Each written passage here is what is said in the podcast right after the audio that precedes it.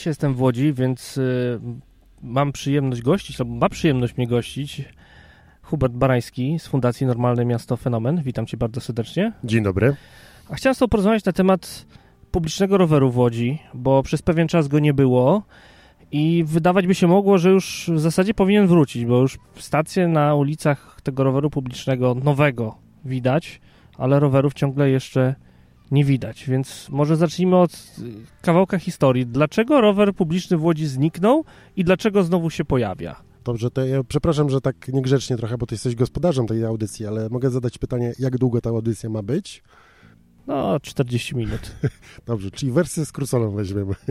Historia roweru publicznego ma w Łodzi, ma około 8 lat, e, ale jakbyśmy tak bardziej sięgnęli, to jeszcze więcej, bo, bo, bo pamiętam, jak e, jeszcze za poprzednika obecnej pani prezydent były przymiarki do takiego roweru. Ale tak na dobrą sprawę 2012 rok to jest ta data, kiedy rower publiczny miał wystartować znaczy już podjęliśmy decyzję taką wspólną na debacie, że 16 rok to jest ten optymalny rok, kiedy można rower publiczny wdrożyć. Rok później w budżecie obywatelskim pojawił się projekt na bardzo skromną wersję 30 stacji e, roweru e, na terenie całego miasta. No i wtedy zaczęliśmy mocno mówić, że no jeżeli to ma mieć e, jakikolwiek walor transportowy, użyteczny, a nie gadżetowy, to tych stacji musi być więcej. To dla, dla przykładu, gdyby e, ktoś nas e, słuchał z Łodzi lub chciał przyjechać obecnie do Łodzi w tym momencie, czyli pod koniec lipca, to mamy takich stacji roweru publicznego wojewódzkiego 14. Czyli może sobie tak powiedzmy zobaczyć, jakby to było, gdyby tych stacji było raptem dwa razy więcej. Bo może warto powiedzieć słuchaczom, że w województwie łódzkim istnieje coś takiego jak rower wojewódzki tak, publiczny 10, i on działa. 10 gmin, w tym Łódź, e, ma w sumie 1000 rowerów i 100 stacji. E, I Łódź jest jedną z tych miast, gdzie takie stacje są. Jest ich tylko 14, bo są przy e, przystankach i dworcach kolejowych. E, między innymi przy Łodzi Fabrycznej, przy Kaliskiej itd., tak itd. Tak więc ten projekt, wracając do tego całej historii, projekt wszedł, został rozpoczęta procedura, jeden, drugi, trzeci przetarg, dwa się nie udały, trzeci dopiero przyniósł wyniki. Cała procedura trwała dwa lata i rower publiczny, który miał powstać według budżetu obywatelskiego w 2014 roku, powstał finalnie w 2016 e, i wówczas rozpoczął swoją przygodę czteroletnią, bo na tyle lat e, była ta umowa w kontrakcie podpisana. No i yy, wszyscy wiedzieli dokładnie, czy wszyscy zainteresowani, interesujący się tematem, że ten rower publiczny musi zniknąć, tak czy inaczej, z końcem roku 2019. No i niestety to niektórych urzędników zaskoczyło. E, nie wiem, czy nie widzieli, czy nie chcieli wiedzieć, czy po prostu były inne ważniejsze tematy. E, I za, za, za mm, nowy przetarg, czy przedłużenie starego wzięto się nie tak jak my proponowaliśmy najpóźniej w kwietniu, tylko dopiero w październiku. Potem e, ten przetarg się okazał, że jest zbyt skomplikowany. Mm, procedura przetargowa pierwszego trwała aż do stycznia roku następnego, czyli już 2020 Później rozpisana kolejny przetarg, no i wjechała e, na białym koniu pandemia, która zmiotła wszelkie budżety, w tym budżet rowerowy e, na rower publiczny i, i cóż, postanowiono, że rower publiczny wróci do Łodzi w roku następnym, czyli w 2021. No i jesteśmy w roku 2021. Tak. Siedzimy sobie na rogu Traguta i Sienkiewicza. Tak. Na ulicy, która jest Wonerfem. To tak też trochę tak. z, na, z naszą fundacją związane jest. Okej, okay, tu idąc od dworca Łódź Fabryczna minęliśmy jedną z takich stacji, ona jeszcze jest oklejona folią. Tak. No więc dlaczego ona jest oklejona folią i dlaczego jeszcze ten rower nie funkcjonuje, chociaż już teoretycznie funkcjonować powinien? Ponieważ no nie, chciałbym im znać odpowiedź, e, bo pandemia jest moim zdaniem dobrym wy, wymówką dla czegoś, co nas zaskakuje. Natomiast w momencie, kiedy już w zeszłym roku, w połowie zeszłego roku, czy 2020, wiadomo było, że pandemia no, po, e, no, uderzyła mocno w rynek rowerowy i rowery indywidualne były trudne do dostępności. Tak samo e, trudność, można było się spodziewać trudności w dostaniu rowerów takich seryjnie produkowanych w dużych ilościach, jak rower publiczny. No i niestety dostawca roweru, czyli Homeport, czyli były BikeU, bo to właściwie ci sami ludzie, właśnie się tym tłumaczył na konferencji prasowej zorganizowanej w maju 2021 roku, że niestety nie, wyrobią się e, tak, jak powinno być zgodnie z umową do 18 maja, tylko że no, nie uruchomią pierwszej partii w maju, tylko dopiero w lipcu. Mamy połowę lipca. rowerów nadal nie ma. Znaczy, przyjechał, e, przedwczoraj przyjechał pierwszy rower, E, I wszystko wskazuje niestety na to, że rowery publiczne w Łodzi pojawią się najwcześniej w sierpniu 2021 roku. Okay, to może najpierw zacznijmy od tego, czym ten system ma się różnić od tego, co było do tej pory. I czy to będzie w ogóle system kompatybilny z rowerem e, wojewódzkim? Nie, nie będzie kompatybilny. Niestety, są to dwaj operatorzy. Pod każdym względem dwaj. To znaczy zarówno firma operatorska, jak i system operacyjny, jakby można takiego słowa użyć, e, inne konta, no i też jest inny zamawiający, bo zamawiającym jest w przypadku Łodzi Urząd Miasta Łodzi, a w przypadku województwa e, jest to Urząd Marszałkowski. Co tutaj też powiedzmy są pewne tarcia i nie, e, nie do końca potrafią się dogadać, więc na pewno nie będą to kompatybilne ze sobą systemy. Tamtych jest 14 stacji. Ten na ten moment ma mieć 1000 rowerów i 100 stacji. E, czym będzie się różnić od poprzednika? No, niektóre lokalizacje będą inne. E, system będzie trochę inaczej wpinany, też te rowery będą inaczej wpinane, bo te rowery mają takie bolce z przodu. Czyli osoby, które, które jeździły lub widziały rowery w Bydgoszczy albo w Szczecinie, to mogły już się oswoić z widokiem takich rowerów E, ze stajni Homeport, bo to właśnie są takie rowery. I tak na dobrą sprawę różnica się kończy, bo to będą też rowery trzeciej generacji, e, czyli muszą mieć stację i tylko tam będzie można je wypożyczyć i oddać. Tak więc, jeżeli ktoś był przyzwyczajony do tego e, poprzedniego systemu nextbike'owego, tak zwanego, no to ten system będzie, powinien działać tak samo. Nie chcę mówić nic tutaj oczywistego, bo nie jestem w żaden sposób uwikłany zawodowo z, z tym procesem, więc e, jestem tylko obserwatorem. I, I, wiem to, co udało mi się wydobyć lub usłyszę na konferencjach prasowych. Ale jakby popatrzeć na ten system, który wymaga, ten system stacyjny, który wymaga dokowania roweru i wypożyczania go tylko w tych wyznaczonych miejscach, no to jeżeli spojrzymy, no to w międzyczasie świat tam dość dynamicznie poszedł do przodu i pojawiły się chociażby hulajnogi elektryczne, które leżą no, wszędzie. Dobrze o tym wiemy, że leżą wszędzie, chociaż czasami gdzie nigdzie udaje się to troszeczkę uporządkować. Czy to nie jest trochę krok w tył tak naprawdę, albo po prostu nie nadążanie za trendem, że ten rower będzie znowu tylko na stacjach, a nie będzie można go wypożyczyć, oddać wszędzie, chociaż co, z czym mieliśmy do czynienia chociażby w Krakowie, gdzie rower można było faktycznie zostawić wszędzie, aczkolwiek za odprowadzenie do stacji był pewien bonus. Okej, okay, ale trochę nie zrozumiałem tego porównania z hulajnogami, bo moim zdaniem to jest wręcz argument za tym, żeby były stacje. Przez to, że te hulajnogi walają się wszędzie.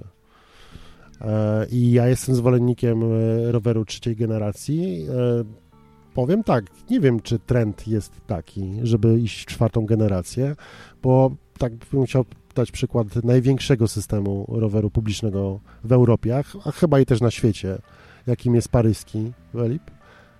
I tam jest trzecia generacja i, i to jest kontrakt na 10 lat. I oni celowo zrobili to trzeciej generacji właśnie po to, żeby były stacje. E, więc ja bym tutaj nie upatrywał w tym minusa, e, bo mówię, to jest taka przewidywalność. E, rower publiczny tym miał i ma cały czas przyciągać do siebie klientów, tym, że jest przewidywalny. Właśnie to, że są stacje niedaleko siebie, to, że wiadomo, gdzie pójść po ten rower i gdzie się go spodziewać, a nie chodzić ze, ze smartfonem z nosem w smartfonie i szukać tych rowerów. No i to jest też moim zdaniem do, dosyć istotna rzecz, że mm, tak jak ten poprzedni system w Łodzi mieliśmy dane, e, dwie trzecie użytkowników e, to, byli, to były osoby, które korzystały z terminali, a nie ze smartfonów. Co prawda wypożyczeń więcej było przez osoby ze smartfonów, dwie trzecie wypożyczeń takich, ale to raczej było ze względu na e, wiek tych wypożyczających, czyli to zazwyczaj studenci robili więcej E, kursów. I, co, I dlatego uważam, że stacje są dużo mniej dyskryminujące, dużo mniej eliminujące pewną grupę użytkowników niż coś, co wymaga ze sobą posiadania e, telefonu typu smartfon y, z dostępem do internetu i możliwością płatności. Mówię o tych wszystkich e, aspektach, ponieważ one są dosyć istotne. Być może nam się wydawać, że wszyscy używają smartfonów w Polsce, ale tak nie jest. Połowa użytkowników telefonów komórkowych w Polsce ma smartfony. E, z czego z tych, którzy mają smartfony, około 8 do 10% używa ich do czegoś więcej niż telefonowania, w sensie płacenia na przykład przez internet. E, więc jeżeli e, rower publiczny ma być ogólnodostępny i tak niezależnie od grupy wiekowej, to moim zdaniem to jest bardzo dobre posunięcie i ja będę zawsze jej bronił, tego bronił. Wszedłeś na bardzo fajny temat, jakby uprzedzając moje kolejne pytanie o to, kto tak naprawdę jest grupą docelową takiego roweru publicznego trzeciej generacji, bo wspomniałeś o tym, że właśnie jeżeli nie jest wykluczający, mogę się z tym zgodzić. Pełna, nawet pełna zgoda mogę powiedzieć. Natomiast y, czy to nie jest tak, że to ciągle jest gadżet? Bo tak zupełnie rzetelnie spójrzmy na to, kto jest odbiorcą tej usługi, kiedy ona już wreszcie ruszy. Jest gadżetem e, do pewnego momentu. To jest, e, ja to świadomie nazywam masą krytyczną albo progiem wejścia Chodzi mi o to, że gadżetem rower publiczny jest do tego momentu, e, kiedy jest go mało, jest okazjonalny, jest nieprzewidywalny, jego dostępność jest na duży dystans, czyli trzeba przejść jakiś spory kawał typu kilometr, albo nawet jeśli to będzie tylko pół kilometra. To do tego momentu e, jest to gadżet, to znaczy idę, idę sobie e, na przykład na tramwaj, o są akurat rowery, to skorzystam. To to jest gadżet. Natomiast jeżeli idę na stację roweru publicznego i wiem, że tam rowery są, bo ich jest tak dużo, że e, mam gwarancję tego, że dojdę i te rowery są też sprawne i dojadę tam, gdzie chcę dojechać, bo tam też jest na końcu stacja, która mi to umożliwi oddanie tego roweru, to to już przestaje być gadżetem, a zaczyna być e, rodzajem transportu publicznego. Indywidualnego, ale jednak publicznego. No jakby jest to pewien erzac komunikacji miejskiej, bo masz przystanek początkowy i końcowy, ale już trasę wytyczasz sobie między nimi sam. Tak, zdecydowanie to jest, e, to jest ta wada, czy wada autobusów i tramwajów, bo to ktoś decyduje, a zaleta rowerów, jeżeli ktoś lubi sobie zmieniać na przykład trasę. Okej, okay, a nie masz wrażenia, że jednak mimo wszystko to, co się stało przez ostatnie półtora roku, mam na myśli pandemię, potem zakaz korzystania z rowerów publicznych, pewien boom na to, żeby znowu mieć swój własny, sprawny rower, bo było tak, że sporo ludzi miało rowery, ale one były w piwnicach i nie działały. Natomiast jakby to, co już wielokrotnie poruszałem u mnie w podcaście, że jednak był boom na to, żeby mieć własny rower i ten zakaz korzystania z rowerów publicznych, to co powiedziałem, właśnie pandemia, to wszystko razem, nie obawiasz się, że to jednak będzie gadżet, nawet jeżeli on będzie faktycznie blisko i będzie dostępny? E, Bo ludzie już mają własne rowery, ci, którzy mają nimi jeździć? Ci, którzy chcą nimi jeździć? Rower publiczny jest kołem zamachowym e, dla rozwoju transportu rowerowego w mieście. Ja się sam do, sam do tego przekonałem, bo kiedyś nie byłem tak zwolennikiem, bo właśnie osoby, które korzystały z roweru publicznego, zobaczyły, że to nie jest wcale takie złe, żeby dojechać do pracy rowerem, zaczęły coraz częściej myśleć, albo znam też przypadki osób, które po prostu kupiły własny rower. Bez wątpienia. E, tutaj mówi, że o pandemii i zakazie rowerów publicznych, no tak tylko tytułem e, anegdoty, byliśmy jedynym, jedynym krajem na świecie, który wprowadził, wprowadził taki zakaz. Nadal nie rozumiem sensu, no ale przeżyliśmy to. Czy w obecnej sytuacji popandemicznej, albo powiedzmy, że po, po tych największych falach. Czy rower publiczny będzie pełnił taką samą rolę jak kiedyś? Nie wiem. Nie wiem, ponieważ e, na to nakłada się kilka czynników. Można by przeanalizować, kto jest głównym klientem roweru publicznego. Głównym, tym najczęściej wypożyczającym, czyli studenci i na przykład e, osoby w biurowcach. I czy one wrócą do takiego samego systemu pracy jak przed pandemią? Nie, ja tego nie wiem. E, czy my, robiąc taki rower publiczny, jaki mamy w Łodzi obecnie, przegapiliśmy jakąś okazję i nie nadążamy za trendami, poza tym, że to, co już sobie wyjaśniliśmy, trzecia, czwarta degeneracja, tak uważam, że ten rower, który będzie obecnie, no przegapił trochę. E, dlaczego? Ponieważ e, ja cały czas uważam właśnie, ten, że, że, ten rower publiczny jest taką, takim e, pozytywnym wirusem, który zaraża ludzi do korzystania z rowerów, bo, bo daje im możliwość przetestowania i zobaczenia sobie, czy ten rower jest, ta, ten środek transportu jest dla nich korzystny. W rower publiczny w Łodzi miał być wyposażony jeszcze w inne rowery, typu tandem, nie jako gadżet, tylko na przykład dla osób, które nie mogą jeździć rowerem z różnych przyczyn, zdrowotnych najczęściej, i rowery cargo. Rowery, które miały być e, właśnie też taką formą pokazania, że na takim rowerze może jechać ktoś więcej e, niż osoba prowadząca i niekoniecznie dziecko trzeba wieść z tyłu na foteliku. Niestety tego nie będzie. To jest e, świadoma decyzja zarządu dróg transportu, pewnych urzędników, którzy wywalili to, to z przetargu. No i też uważam, że można byłoby się pokusić o to, żeby te stacje pełniły rolę trochę większą niż tylko i wyłącznie dokującą rowery publiczne. Mam tu na myśli chociażby wyposażenie ich w pompki, e, czy, czy chociażby próba wprowadzenia niektórych e, rowerów z, z napędem elektrycznym za jakiś, na jakichś specjalnych warunkach, czyli jakichś dodatkowych. Bo nie na takich samych jak, jak pozostałe rowery, bo wówczas byśmy mieli trochę syndrom mewo, że trzeba byłoby biegać z bateriami za rowerami, żeby je zdążyć wymienić, bo nie ma czasu, żeby naładować. E, ale uważam, że takie rzeczy można było wprowadzać właśnie jako nowości, jako te, te, te rzeczy, które mogłyby zaciekawić i, i pokazać, zobaczcie, takie rowery w ogóle istnieją. E, bo jako, jako osoba, która jest związana z ruchem rowerów cargo w Polsce, jestem użytkownikiem rowerów cargo od 6 lat, e, to nadal spotykam się z pytaniami łodzian, łodzian, nie tylko łodzian, w ogóle mieszkańców, czy to jest samoróbka, czy to jest zrobione na specjalne zamówienie, a jak mówię, że to są seryjnie produkowane rowery, to nie wierzą. Zanim przejdziemy do tematu rowerów cargo, w który już wszedłeś dość, dość mocno, to jeszcze jedną kwestię związaną z rowerem publicznym muszę poruszyć. Śmiało. W wielu miastach jest tak, że na zimę rower publiczny znika. I to jest jeden z moich największych zarzutów do tego, że robi się z tego gadżet, no bo nikt nie zwija autobusów miejskich na zimę. Chociaż w niektórych miastach czasem jak przychodzi zima, to tramwaje się masowo wykolejają. Dobrze wiemy, o którym mieście mowa. No więc pytanie, czy ten system nie będzie Gdyni. całoroczny? Na pewno, na pewno nie o Gdyni. E, jeżeli chodzi o całoroczne, to znowu, e, jak już powiedziałem wcześniej, planowaliśmy rower publiczny 7 lat temu w warszawskie Veturillo, czyli ten największy system, jaki wrocławski rower e, też był projektowany no już prawie dekadę temu. No i co by tu nie mówić, zimy te 10 lat temu jeszcze były takie konkretne.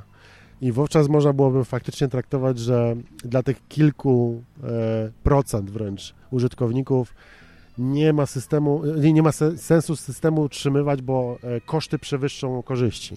I ja to szanuję. Natomiast, tak jak już powiedziałem, przez tą dekadę to trochę nam się zmieniła pogoda w Polsce. Jest cieplej. Zimy już nie są aż tak bardzo e, ostre, chociaż ostatni rok, znaczy ostatnia zima nam pokazała, że może trochę potrwać dłużej. No minimalnie, no gdzie to, gdzie, gdzie temu ale, do zim sprzed dekady? Ale rzeczywiście, no nie no, kto pamięta, co było dekadę temu? E, to oczywiście żartuję. Ja pamiętam czasem lepiej niż to, co było rok temu.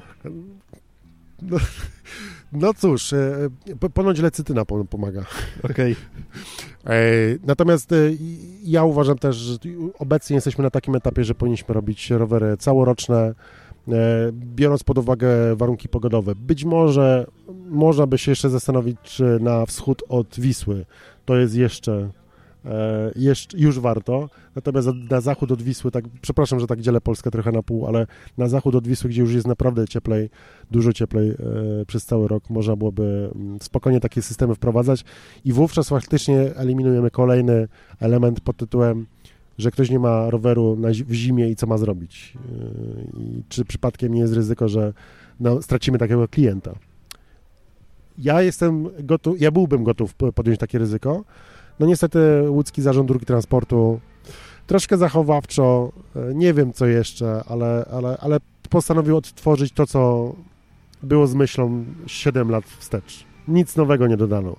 Poza tym takimi kosmetycznymi różnicami, jak, jak wygląd roweru.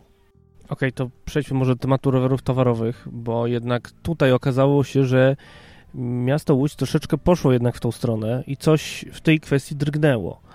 E, czytałem o programie dotyczącym właśnie rowerów towarowych dla przedsiębiorców. Czy możesz coś na temat więcej opowiedzieć? Jak to w ogóle wygląda w tym momencie? Jak to działa? Czy to w ogóle działa? Czy to jest tylko jakiś slogan? To jest tak, że e, zwróciliśmy się z propozycją współpracy do firmy Veolia, która jest e, producentem energii i uznaliśmy, że to jest doskonały partner, żeby wykorzystując to, co właśnie powiedziałem, żeby zaproponować im współpracę na czymś nieoczywistym, czyli tym, co już wspomniałem, e, walczeniem trochę z, tym pojęciem, że rowery cargo to jest robione na zamówienie albo wręcz samoróbki. Ich, oni też odrobili dzięki nam, czyli Fundacji Fenomen, lekcję pod tytułem Dowiedzieli się, że są rowery towarowe ze wspomaganiem elektrycznym. Mam takie poczucie, że dołożyliśmy taki element edukacyjny w tej firmie przystali na tą współpracę i postanowili, e, stwierdzili, że ok, wchodzimy to, żebyśmy zrobili pilotaż. Zobaczymy, czy w ogóle będzie zainteresowanie. Zainteresowanie na co? Żeby partycypować w kosztach zakupu roweru, które oczywiście nie są tanie, e, ale mają służyć do e, pracy. To nie jest rekreacja, to nie jest rower, który ma służyć na wycieczki, chociaż również dobrze może, ale przede wszystkim ma pracować. I wymyśliliśmy program Towarower, E, czyli taki program, który skierowany był faktycznie do łódzkich przedsiębiorców i zaprosiliśmy ich, słuchajcie, jeżeli uważacie, że chcielibyście w takim programie pilotażowym wziąć udział, to na preferencyjnych warunkach możecie takie rowery od nas otrzymać od razu i przez kolejne dwa lata w nieoprocentowanych e, mm, ratach spłacać tę mniejszą część, e, która jest do zapłacenia. Czyli partycypacja jest tutaj w cenie jest taka, że 54% wartości rowerów e, sponsor, a 46 to jest e, to jest, e, to jest tam właściciel roweru, ten przyszłościowy właściciel, czyli ten, którego wyłoniliśmy w, w drodze konkursu. No i zgłosili się do nas chętni. Z nich wybraliśmy tych według nas najlepszych trzech. No i od ponad tygodnia jeżdżą po Łodzi, robią kilometry. Już mamy pierwsze podsumowania, ile ich to kosztowało. E, no i tak sam, sam koszt paliwa e, w ciągu tego tygodnia to 3 zł. E, I, jest nim na przykład właśnie ten, który najwięcej kilometrów obecnie robi, właściciel sieci kawiarni rowerowych w Łodzi, pan Rowerski, który dostarcza logistykę, dotychczas opierał na samochodzie i innych rowerach nieelektrycznych, bez wspomagania, a teraz to wszystko zastąpił jednym rowerem ze wspomaganiem elektrycznym, więc jakby ktoś był zainteresowany kupnem roweru cargo bez wspomagania, to pan Rowerski ponoć chce już się e, właśnie e, sprzedać. E, to tak tytułem trochę dygresji i żartu. Drugim, drugim laureatem naszego konkursu jest Niebostan, czyli taki klubo-kawiarnia. Ja się zdziwiłem, pozytywnie, że się, trochę zdziwiłem, że oni przystąpili do tego, tego programu, ale okazało się, że oni oprócz tego, że prowadzą klubokawiarnię, też dostarczają jedzenie na wynos. E, pandemia ich zmusiła do przeformatowania swojej działalności e, i dostarczają na przykład śniadania. I właśnie tym rowerem i też dostaw, robią dostawę do, do swojego lokalu za pomocą tego roweru, tego najmniejszego z tych trzech.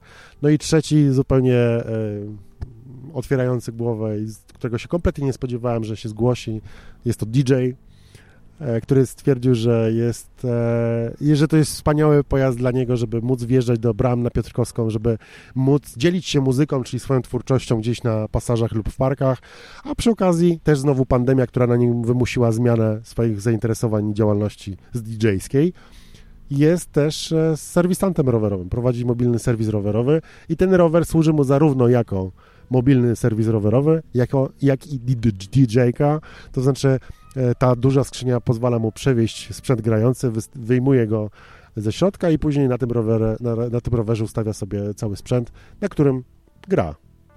Jak myślę o mobilnym DJ-u, to przed oczami mam Mausa T z teledysku Toma Jonesa, który siedział na tym siedzeniu samochodu z gramofonem, ale no, gramofon na rowerze to już jest wyższa szkoła jazdy. To jest tak, że y, obecnie dużą popularność w, w internecie robi DJ rowerowy Cargo z Wysp, e, który jeździ ma trochę inny rower, trójkołowy, dzięki czemu ten rower jest stabilny. E, jeździ, robi streaming na żywo, gra w różnych miastach e, Wielkiej Brytanii. No w Polsce obawiam się, że byłby bardzo szybko spacyfikowany przez wszelkich antyrowerowych fanatyków, którzy by wypominali, że skupia się na czymś więcej niż na jeździe rowerem. No ale Cóż, e, mamy DJ-a stacjonarnego, rowerowego, czyli dojeżdża ze sprzętem, rozkłada się e, i tak jeździ być może na zlocie rowerów cargo w Poznaniu, który ma być we wrześniu. Być może się też pojawi i będzie grał, ale to jeszcze tego nie wiem. Nie potwierdził tego wyjazdu. Okej, okay, mamy pierwszy tydzień pilotażu, mamy pierwszych trzech e, użytkowników komercyjnych rowerów cargo. No jednak jak słucham tego, co powiedziałeś, to z jednej strony jest to bardzo fajne, a z drugiej strony będę adwokatem diabła, co moi słuchacze bardzo lubią i zawsze chcą, żebym był tym adwokatem diabła. Śmiało, to, to, to e, ożywia zawsze dyskusję. Tak. to jest branża jednak, nazwijmy to, cateringowo-rozrywkowa. A przy takim typowym polskim małym, średnim biznesie, jakbyś, gdzie byś widział rower cargo? Dobrze, typowy polski biznes, no tak się zastanawiam, co to znaczy. Czy, czy to jest e, hydraulik? Może być i hydraulik. No bo w Łodzi mamy hydraulika, który jeździ rowerem cargo. To jest największy rower cargo w Polsce, z tego co pamiętam, przynajmniej z tej rodziny e, Urbanaro. E, I on może do ciebie przyjechać z armaturą, z cementem i normalnie robić też nie rzeczy nie tylko hydrauliczne, ale też takie około, na przykład łazienkowe. I on przyjedzie do ciebie w całości na rowerze cargo. Więc taka rzecz też e, może być wykonywana za pomocą takich rowerów. Czy dostawy do sklepów, no, zależy jak duże, ale y, czy na przykład jak ktoś ma jakiś warzywniak, czy mógłby takim rowerem przewozić, zależy, zależy co, no bo jeżeli mamy specjalny samochód transportowy, e, to faktycznie jest, e, on ma dużo większą powierzchnię ładunkową, ale jeżeli załatwiamy pewne rzeczy, e, albo większość rzeczy samochodem osobowym, no to ile mamy bagażnika? To jest 100 litrów, 120 litrów, 200 litrów, no przecież skrzynia takich rowerów to jest właśnie tyle. E, więc e, ja tu nie widzę problemu większego. Oczywiście nie każdy rodzaj biznesu jest e, taki, którym można byłoby taki rower, takim rowerem obsługiwać. I to moim zdaniem jest oczywiste, tak samo jak w przypadku samochodów. No, nie każdy biznes się obsługuje samochodem. Tak samo nie w każdy trzeba rowerem, ale jest wiele takich, których naprawdę można. E, czy mamy w Łodzi człowieka, który rozwozi napoje po restauracjach? Czyli te wszystkie takie napoje w buteleczkach bezalkoholowe są dowożone do łódzkich restauracji za pomocą roweru e, cargo ze wspomaganiem elektrycznym, e, które sobie gdzieś tam przemyka i przewozi ze sobą na zamówienie ze swojego magazynu, dowozi takie, takie napoje. Więc to też się da zrobić. E, we Wrocławiu wiem, że jest człowiek, który myje na zamówienie okna w witryn i też przyjeżdża rowerem cargo. No ale oczywiście moim zdaniem największą przyszłość to jest taka logistyka miejska na niewielką, znaczy nie, nie, niedużo tonażowo, ale z drugiej strony jak, jak dysponuje, dysponujemy takimi badaniami mówiącymi ile, jakie są przeciętne ładunki, które przewożą kurierzy. No nie wiem, czy wiesz, 70%, 70% to są przesyłki, które e, na jednym palcu utrzymasz. To są takie malutkie, e, najmniejsze w tych dużych urządzeniach, skrzynkach, bez wymieniania nazwy, e, które, które możesz wysyłać. To jest 70%. Ich się nie da przewieźć rowerem cargo? Da się.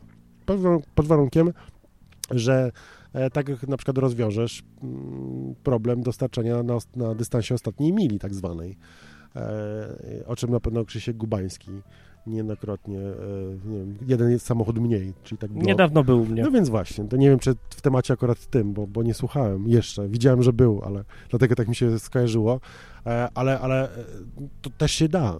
Więc my oczywiście możemy tutaj wynajdywać takie branże, w których rower cargo się nie sprawdzi, ale po co?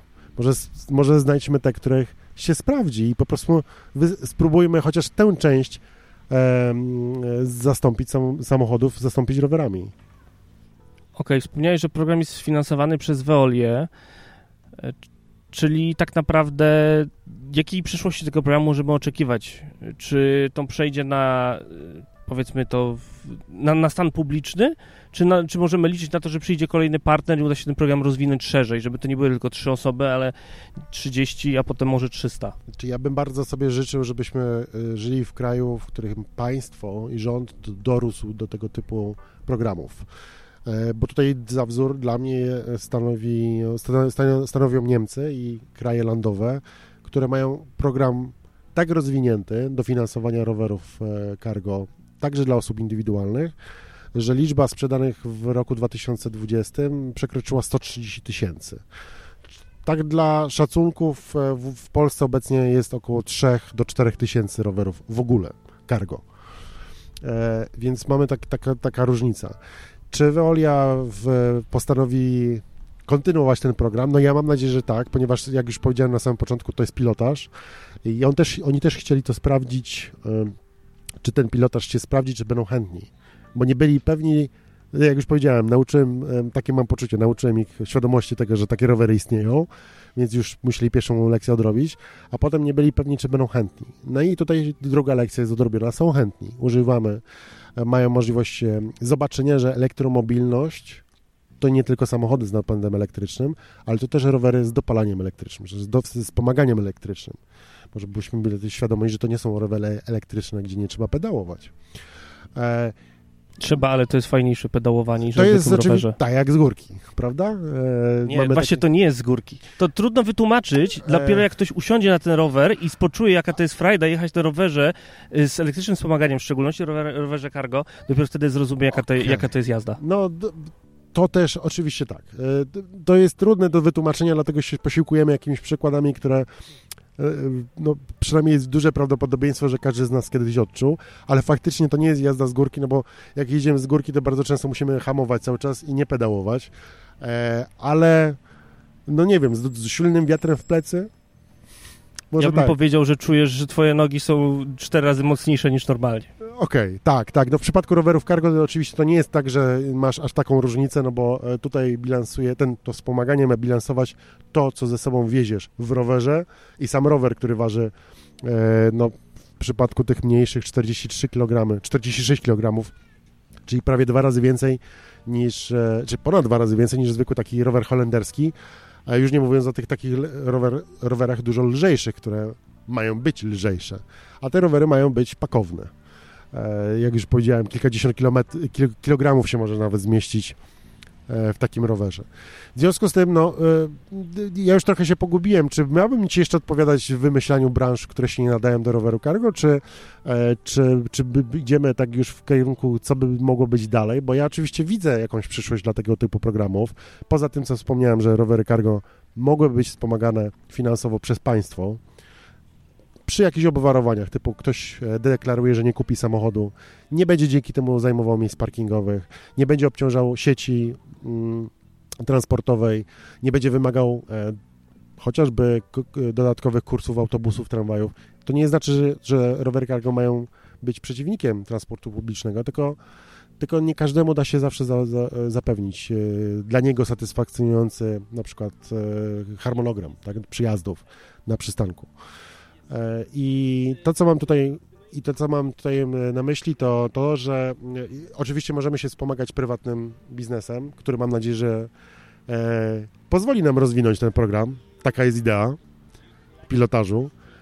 Natomiast no, idea jest taka, żebyśmy jednak, czy cel jest taki, żebyśmy jednak przekonali samorządy, a może też rząd do tego, żeby tego typu programów no, no trochę bardziej w, w rozciągnąć. Chociaż no będę tutaj trochę sceptyczny niestety, bo jak patrzę, jakie jest podejście obecnego rządu do elektromobilności rowerowej, no to oni nie odrobili jeszcze lekcji pod tytułem, że rowery cargo mogą być pewną odpowiedzią na wiele pytań. Miejmy nadzieję, że tylko jeszcze, bo w pewnych innych kwestiach powoli zaczyna się zmieniać, ale to będzie temat pewnie innych odcinków. E, też bym sobie życzył, żeby elektromobilność rowerowa była wspierana, bo tak jak powiedziałem, życzę każdemu, żeby wsiadł na rower z elektrycznym wspomaganiem i zobaczył, jaka to jest frajda. Tutaj idąc, y, chciałem, żebyś powtórzył właśnie jedną rzecz, którą powiedziałeś, jak szliśmy tutaj, że kupując rower ze wspomaganiem elektrycznym myślałeś, że będziesz jeździł mniej, że będziesz miał mniej ruchu. E, ale, tak nawet, nie, ale tak nie było. E, te, to może inaczej. E, ja przez wiele lat broniłem się przed wspomaganiem elektrycznym właśnie dlatego, że e, bałem się, że ucierpi to, e, co uważałem jako fajny taki tak zwany efekt uboczny jazdy na rowerze, czyli po prostu e, kondycja czy wysiłek fizyczny, który sobie do, do, dostarczałem przy okazji jadąc do pracy, na zakupy i tak dalej. Natomiast efekt wspomagania elektrycznego w rowerze jest taki, że dostarczam sobie tyle samo wysiłku, tylko no, trwa to trochę dłużej, po prostu dwa razy więcej jeżdżę. No. Jest taka frajda z jazdy tym rowerem, e, że, że jeżdżę czasami naokoło.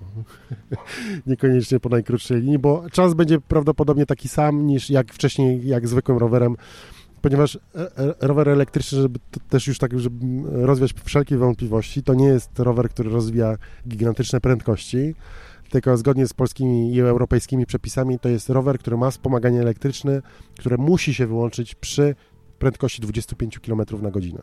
Jeżeli ktoś ma rower ze wspomaganiem elektrycznym, który nie ma tej blokady, to musi mieć świadomość, że nie jeździ rowerem elektrycznym, tylko skuterem elektrycznym i to już jest, są inne konsekwencje też prawne w razie czegoś.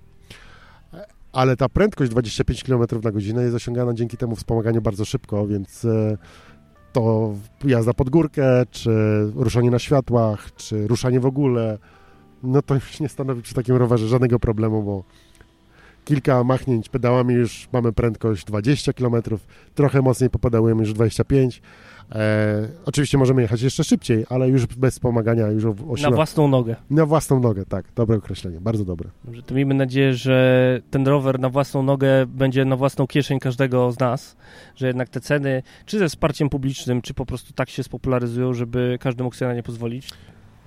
Tego sobie życzmy. Możemy sobie życzyć tego pierwszego, tego drugiego, bądźmy realistami, nie da się osiągnąć. Jeżeli chcemy dobrej jakości rowery ze wspomaganiem elektrycznym, które są jeszcze cargo, one nie zejdą z cen. To jest, e, to jest utopia. Nawet jeżeli one będą bardzo dużo, dużych ilościach sprzedawane, ich cena nie może spaść. E, I to nie mówię jako osoba, która jakoś sceptycznie patrzy, ale bardziej realistycznie. Koszty produkcji dobrej jakości roweru, e, który nas utrzyma i, nie, i utrzyma cenę też, musi być taka. Niestety. Więc tutaj nadzieja tylko i wyłącznie w dofinansowaniu że samorządy i rząd zobaczą, że to nam się zwraca jako społeczeństwo. Jeżeli ludzie zaczną jeździć rowerami cargo, przez to będą mieli więcej aktywności fizycznej, przez to będą trochę zdrowsi, mniej będą używać innych pojazdów, które zajmują miejsce, hałasują, zanieczyszczają powietrze, e, no i powiedzmy, no, nie są zbyt zdrowe. Powodują też olbrzymią ilość wypadków w Polsce. Rowery nie. Dobra, tak trochę słodko-gorzko, ale... Przepraszam. Z rowerowej Łodzi, Hubert Barański, Fundacja Fenomen. Bardzo Ci dziękuję. Ja również dziękuję. Pozdro rower. Tradycyjnie na zakończenie serdecznie chciałem podziękować wszystkim patronom podcastu, a w szczególności tym, którzy korzystają z biletów miesięcznych. A są to Paweł Zegartowski, Tomasz Tarasiuk, Andrzej Kaszpir-Kaźmirowski, Monika Stankiewicz, Paweł Łapiński, Peter Jancowicz, Janka, Jerzy Mackiewicz, Jakub Kucharczuk, Michał Cichosz, Piero, Łukasz Filipczak, Filip Lachert, Jacek Szczepaniak, Jurek Gozdek, Kuba Czajkowski, Piotr Rachwalski, Grzegorz Szaman-Kenig, Jakub Bordziński, Jakub Madrias, Paulina Matysiak, Empi, Michał Jankowski i Jakub Kuncik. Jeżeli chcecie dołączyć do tego grona, serdecznie zapraszam Was na patronite.pl przesiadkowy. I do słuchania podcastu oczywiście już za tydzień kolejne tematy, bo sezon ogórkowy w pełni. Do usłyszenia.